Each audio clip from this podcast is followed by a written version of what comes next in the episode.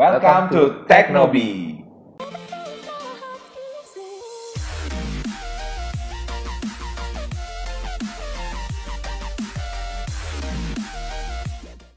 Oke, hari ini kita kedatangan seorang uh, founder yang muda, yang keren banget nih, uh, namanya Ryan. Halo, welcome Ryan. Halo, apa kabar Michael? Ryan ini dari seribu.com ya. Uh, saya rasa uh, teman-teman pasti banyak tahu dan dia juga ada satu website lagi namanya seribulancer.com. Nah, kita akan tanya-tanya nih sekarang ya.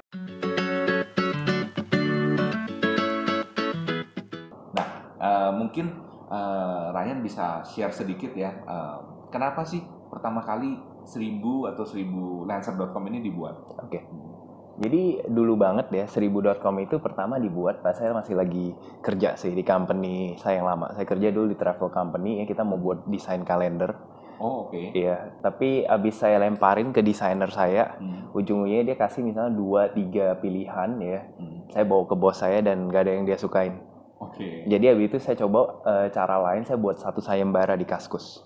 Oh. Hadiahnya BlackBerry. Ya, ya. Waktu itu BlackBerry yang Tahun berapa itu?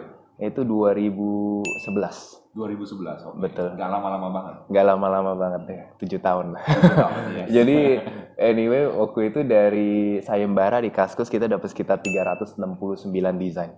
Wow, 369 desain. Betul. Hadiahnya satu BlackBerry. Ya? Satu BlackBerry. Jadi dari segitu banyak desain kita sampai kelimpungan banget untuk sortirin satu-satu. Okay. Dan lucunya waktu itu bos saya tuh orangnya konvensional banget. Saya kasih dia link websitenya dia nggak mau, jadi dia minta saya print satu-satu. Oh my goodness, jadi harus di print satu-satu. Betul. Oke. Okay. Nah dari sana kepikir sih untuk uh, gimana sih kita kalau nggak buat aja satu platform yang khusus untuk Hmm. ini ya jasa desain platform ya Hmm. di mana kita siapin galerinya Hmm. siapin feature-feature-nya untuk bisa by the end of the day konekin orang yang butuh desain Oke. sama komunitas desainernya kita waktu itu develop produk eh, seribu.com itu mungkin sekitar enam bulan Oke. terus pas kita launch ya pas launch pertama kali itu kita tuh jualannya jasa desain logo jasa Hmm. desain website ya jasa desain packaging Hmm. waktu di awal paling desainer kita sekitar seratusan Oke. gitu dan Itu harga itu tahun berapa?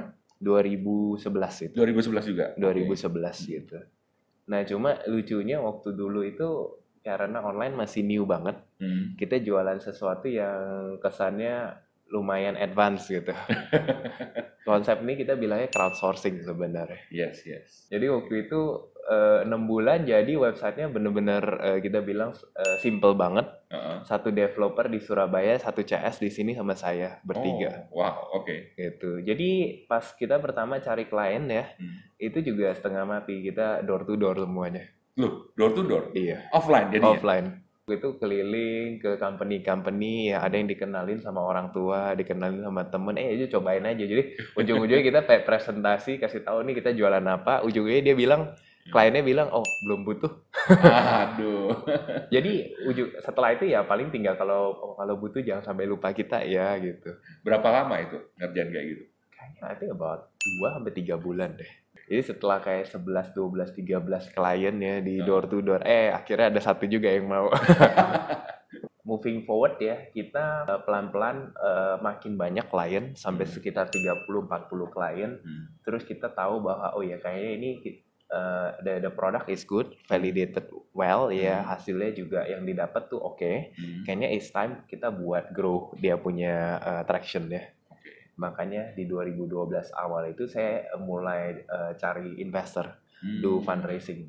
Oke. Dan sekitar Februari Maret itu kita dapat our first eh, funding ya, seed funding dari Hmm. East Venture. Oh, oke. Gitu. East Venture ya? Iya, East Oke. Venture. Habis sudah dapat funding dari East Venture, kita mulai fokus building tim ya. Oke. Waktu itu sampai sekitar 12-13 orang ya. Oke. Dari funding tersebut kita bisa grow waktu itu sampai sekitar kalau nggak salah 600-700 klien deh. Wow. Iya, Oke. itu dalam setahun. Dalam setahun. Iya, dari 40 klien waktu itu. Jadi pas eh, 2014-an gitu, Hmm. kita ngelihat nih, oh ternyata kekurangannya 1000 itu. Hmm. Banyakan tuh saya harus cari klien baru. Hmm. Karena orang buat logo mungkin sekali dalam 10 tahun Oke. gitu. So we need to find ya, servicesnya harus lebih di-expand Hmm. ke sesuatu yang lebih recurring Oke. dan lebih banyak market pakai. Ya, ya. Dari sanalah kita buat 1000 Lancer. Oke. Jadi eh, produknya sekarang lebih diversified ya. Nggak- Betul. Eh, itu sekarang total produk ada berapa kalau boleh tahu?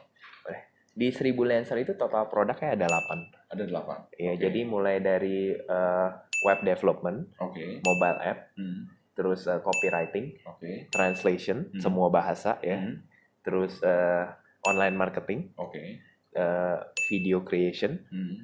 Eh, ada legal consultation juga, Wow. sama data entry. Oh wow. Iya. Oke. Interesting.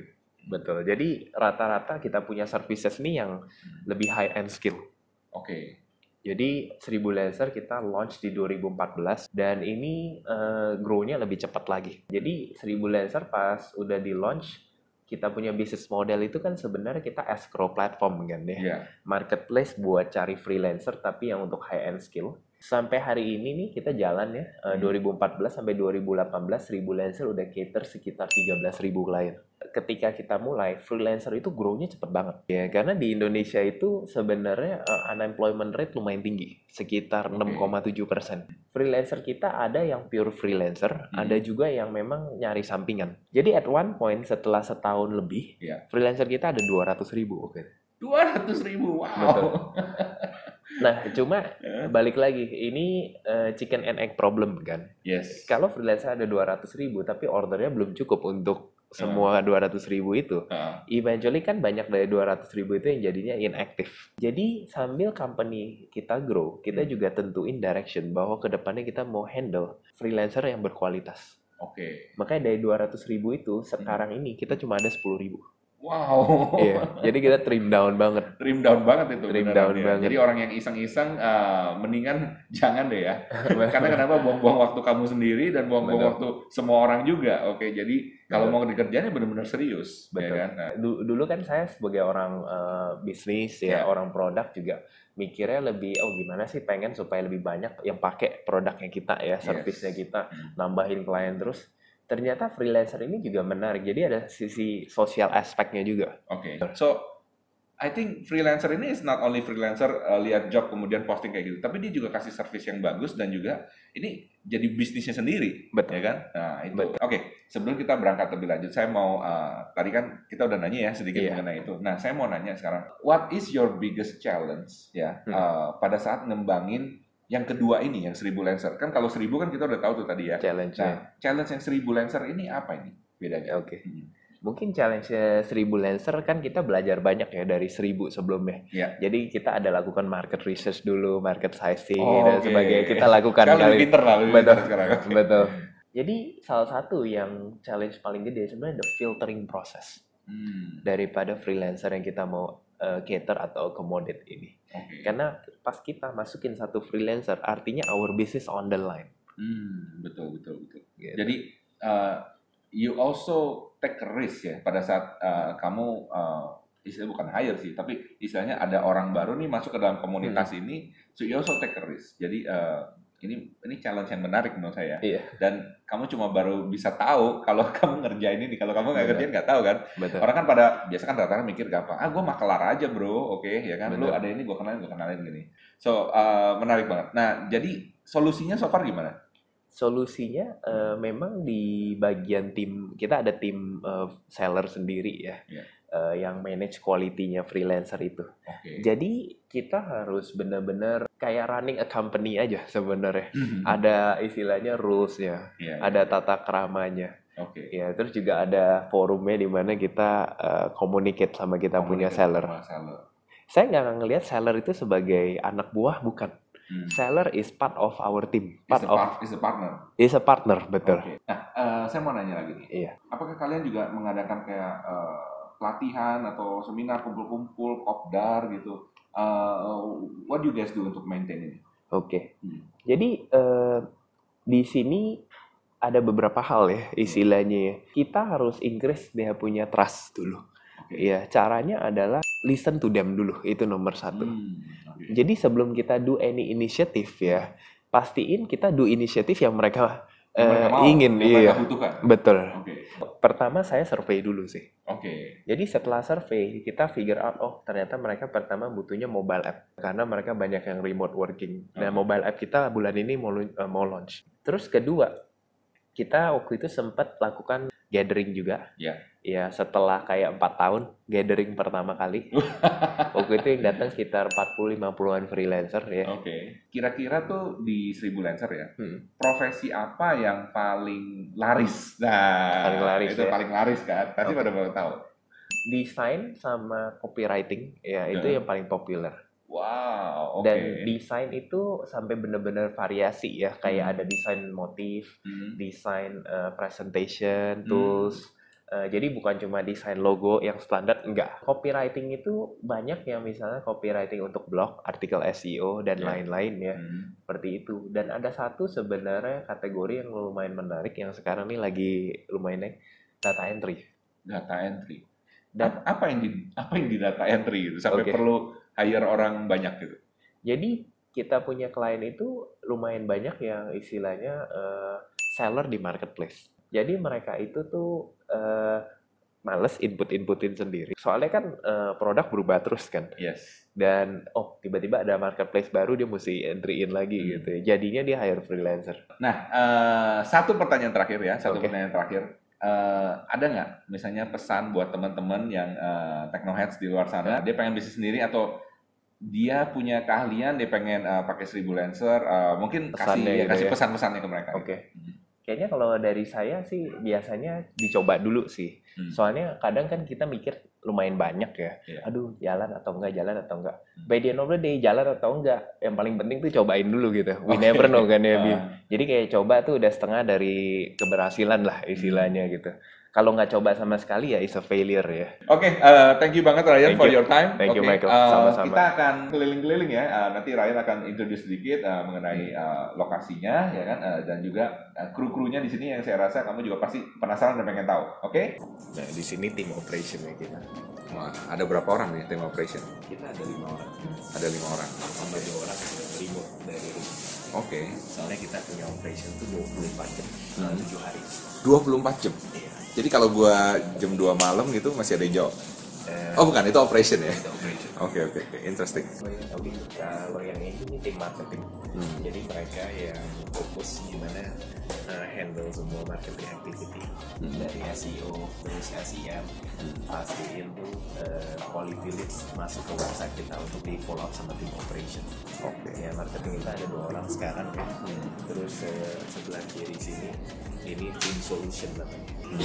Kalau Tim solution ini project-project gede gitu. Nah di sini ada tim produk sama developmentnya kita. Oke. Jadi mereka yang ngeramu kita punya website supaya makin optimize, makin robust, ya. Hmm. terus speednya makin bagus juga, UX-nya makin improve juga.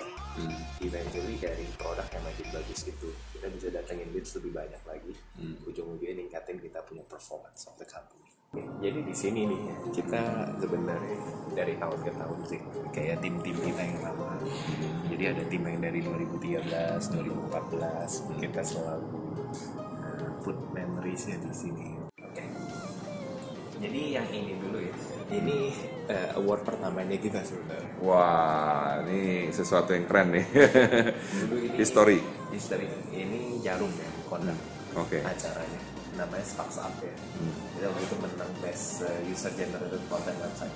Hmm. Gitu. Terus di sini ada beberapa kali saya juga diminta jadi speaker ya. Hmm. dari universitas ada Hmm. di event startup juga ada ada yang ini di Makassar yang ini di Jogja Hmm. terus Ada yang satu yang kamu oh, paling berkesan? ini waktu itu Mitrans ya Hmm. itu partnernya kita untuk payment gateway Oke. dan mereka itu eh, kita sebenarnya klien pertamanya mereka Wow, ya pasti berkesan banget nih kayaknya. jadi kita juga on dan jadi Uh. diminta jadi speaker Uh. untuk sharing tentang kita punya bisnis juga Hmm. dan waktu itu sampai tamu-tamu yang datang juga dari Jepang dari US segala karena Mitrans itu uh, big company di Jepang Oke. gitu. jadi mereka punya audience itu juga uh, bukan cuma lokal aja gitu. Hmm. nah waktu itu lumayan yang datang 500-600 orang Oke. Iya. tapi Nice. ada satu lagi yang ini juga Hmm. uh, nah, ini di Makassar ini juga lumayan berkesan Uh. crowdnya ini 1500 Wow, nice. sampai saya waktu itu tegang coba ya waktu itu saya bareng kalau nggak salah ada Tusina uh, juga ya, jadi ya istilahnya uh, pengalaman lah istilahnya tapi ini beberapa sih event yang kita pernah lagi uh, thank you juga buat partner-partner yang uh, invite kita Oh. Thank you Ryan. Uh, semoga next time lebih bisa dapat lebih banyak lagi ya penghargaan. Oke Technoheads, uh, thank you banget udah melihat review hari ini bersama Ryan dari Seribu Lancer. Yes, uh, jangan lupa ya untuk klik like dan subscribe ya, dan juga komen below. Nanti kalau kamu ada pertanyaan, nanti uh, Ryan sendiri yang akan jawab ya. Dan juga uh, linknya ada di below sini. Kalau misalnya anda mau ke Seribu Lancer ya, bisa diklik di sono. Dan juga uh, cek dua video yang di sebelah kanan anda, yang saya yakin salah satunya anda pasti suka. Salam hebat, luar biasa.